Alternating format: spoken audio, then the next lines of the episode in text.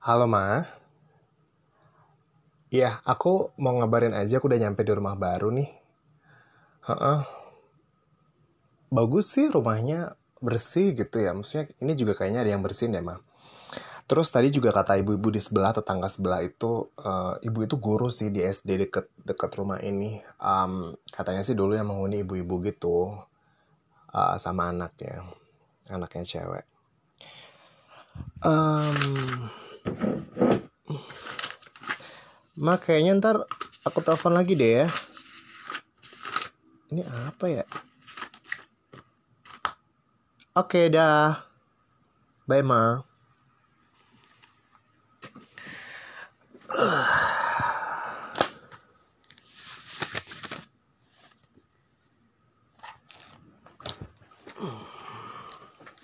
Senyum Andrea. Andrea siapa ya?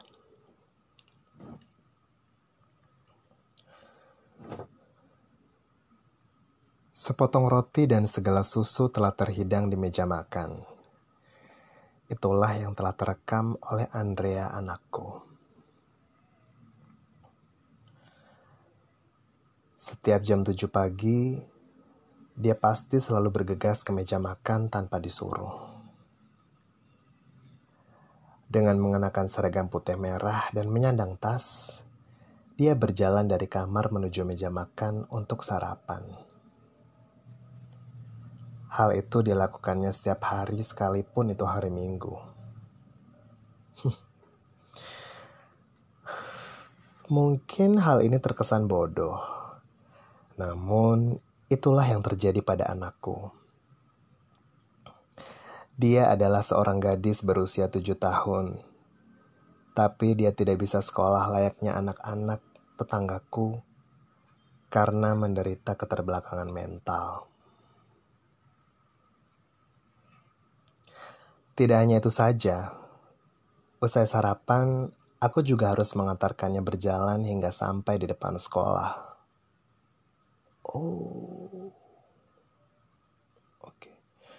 Mengantarkannya hingga di gerbang sekolah juga merupakan salah satu kebiasaanku untuk membuat Andrea senang. Meskipun setelah sampai di sekolah, kami kembali lagi ke rumah. Tapi Andrea selalu memaksaku untuk mengantarkannya ke sana. Andrea tidak mau sekolah di SLB karena pernah suatu saat terjadi peristiwa yang membuatnya trauma. Waktu itu, tangan Andrea ditusuk dengan pensil oleh temannya karena dikira Andrea hendak mencuri pensil temannya itu. Dan luka tusukan itu tidak hilang sampai sekarang. Itulah sebabnya dia tidak mau melanjutkan sekolahnya di SLB karena trauma.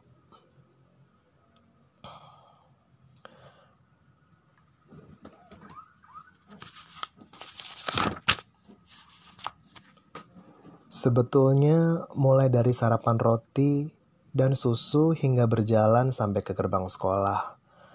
Semua itu akulah yang mengajarkan dan membiasakannya. Aku hanya ingin melihat Andrea mengenakan seragam sekolah. Dan dia pun senang melakukannya setiap hari. Jika kami sudah sampai di gerbang sekolah, Andrea selalu mendapatkan setangga permen dari beberapa guru yang mengajar di sekolah itu secara bergantian. Dan setiap siswa yang lewat di depan kami, mereka selalu menyapa Andrea sambil sesekali menghiburnya. Jika waktu sudah menunjukkan pukul 8 pagi, itu menandakan bahwa kami harus segera pulang.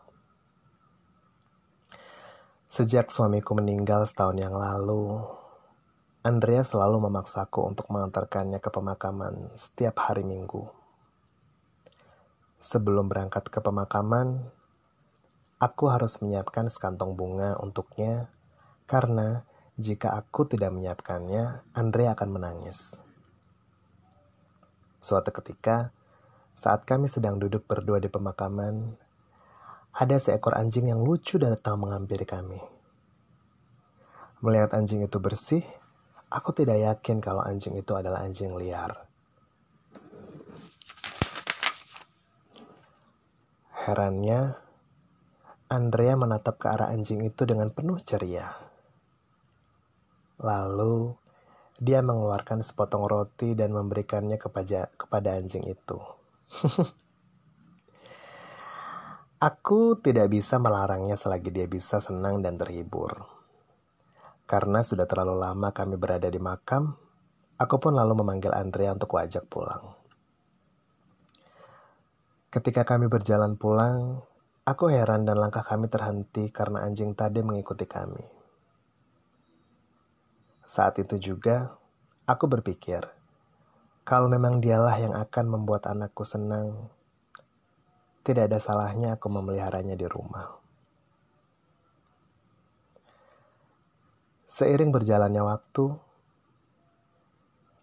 anjing yang kami temukan waktu itu tumbuh besar dan gagah. Aku menamainya Jojo. Suatu hari ketika aku sedang memasak, sesuatu yang menakjubkan pun terjadi. Waktu itu Andrea sedang bermain tangkap bola bersama Jojo. Aku pun hanya memperhatikannya dari balik jendela sambil memasak. Tiba-tiba, aktivitasku terhenti. Jojo mengajarkan Andrea berlari.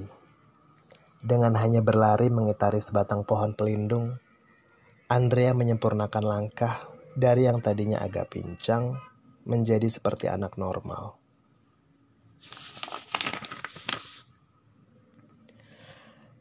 Melihat kejadian siang itu, aku pun berniat untuk mengganti kebiasaan Andrea berjalan ke sekolah dengan jadwal berlari bersama Jojo. Setiap pagi, usai sarapan roti dan segala susu, aku, Andrea, dan Jojo berlari menuju lapangan bola kaki dekat rumah kami. Sesampainya di sana, Andrea kulatih berlari mengikuti garis yang telah kubuat. Agar larinya kencang, aku pun menyuruhnya untuk mengejar Jojo.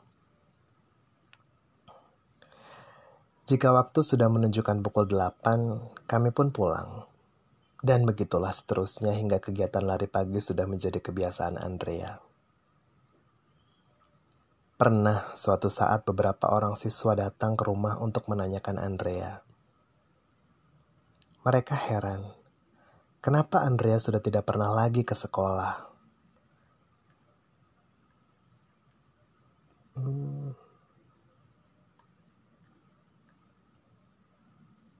Aku pun menjelaskannya kepada mereka dan mereka kaget mendengar perubahan yang terjadi pada Andrea. Suatu hari, di hari Minggu, beberapa anak yang dulu pernah datang ke rumah pun datang. Mereka meminta izin kepadaku agar Andrea diizinkan untuk dilatih berenang. Aku berpikir sejenak. Awalnya aku takut membiarkan dia berenang, tapi niat mereka baik, mau mengajarkan Andrea berenang. Aku pun lalu mengizinkan mereka dengan syarat aku juga harus ikut menemaninya berenang. Dan Begitulah seterusnya yang dilakukan Andrea setiap hari Minggu.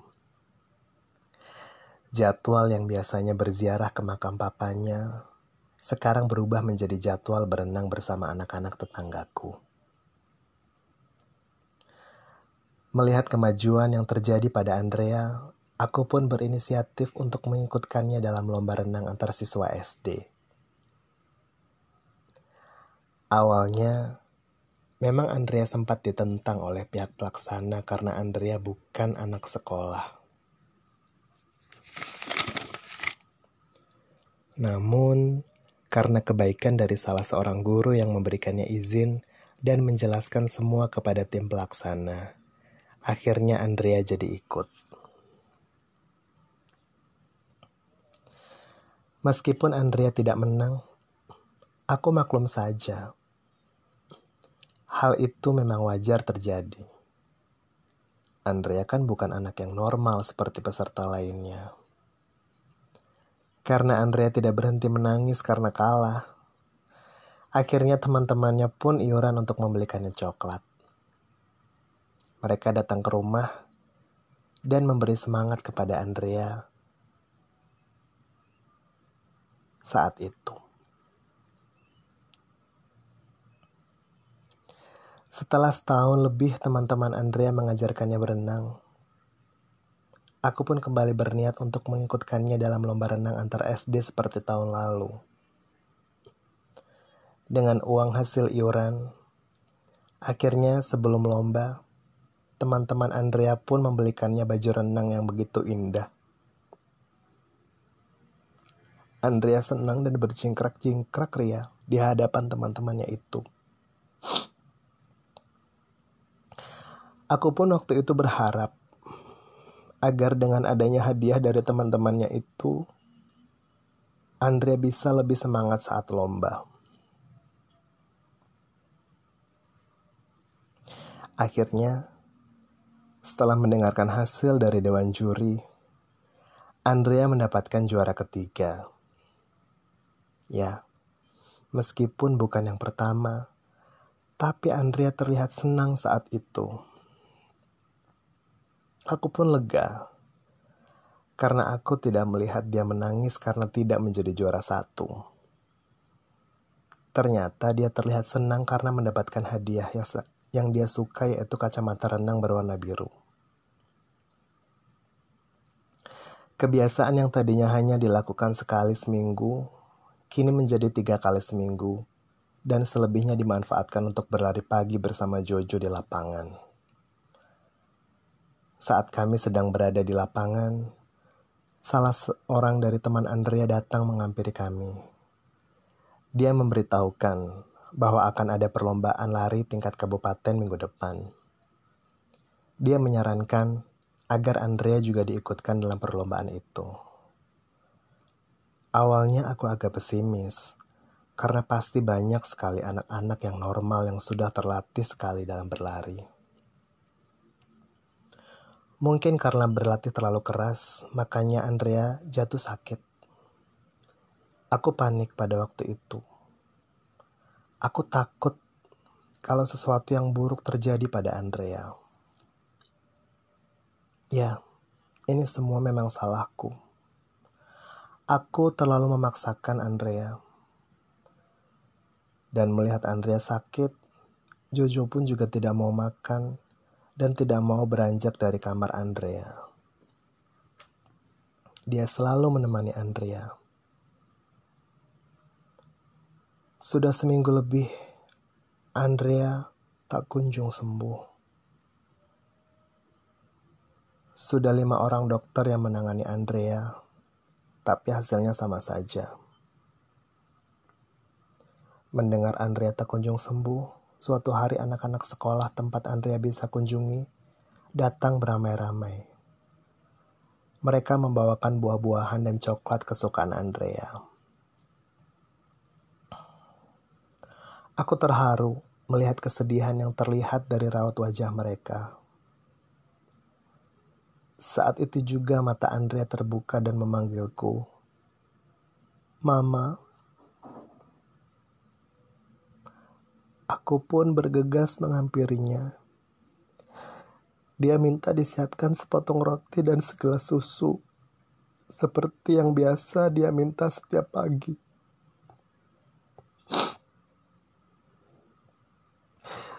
Setelah menyantap roti dan meneguk susu, Andrea tersenyum padaku. Air mataku tak bisa kutahan teman-teman Andrea yang datang pada saat itu juga ikut menangis. Mereka berharap Andrea segera sembuh dan bisa berenang lagi.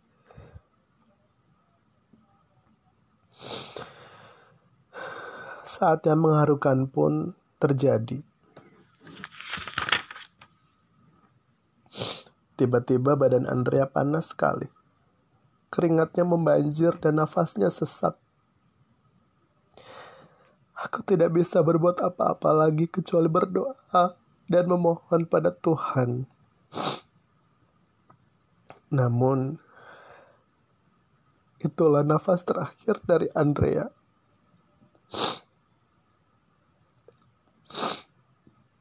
Dia harus pergi meninggalkanku untuk selama-lamanya.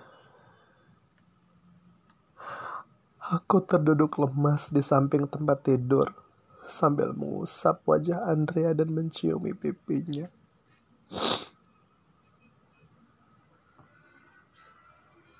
Belakangan, sejak kepergian Andrea, aku masih tetap melakukan kebiasaan-kebiasaan yang dilakukan Andrea. Setiap pagi, aku selalu menyiapkan sepotong roti dan segelas susu dan duduk di meja makan bersama Jojo yang sekarang terlihat kurus sekali. Meskipun tidak ada yang memakannya, aku tetap lakukan itu setiap hari. Setiap minggu, aku juga berjalan bersama Jojo untuk berziarah ke makam Andrea dan papanya dengan membawa sekantong bunga. Begitulah yang kulakukan berulang-ulang meskipun tanpa ada Andrea lagi di sisiku.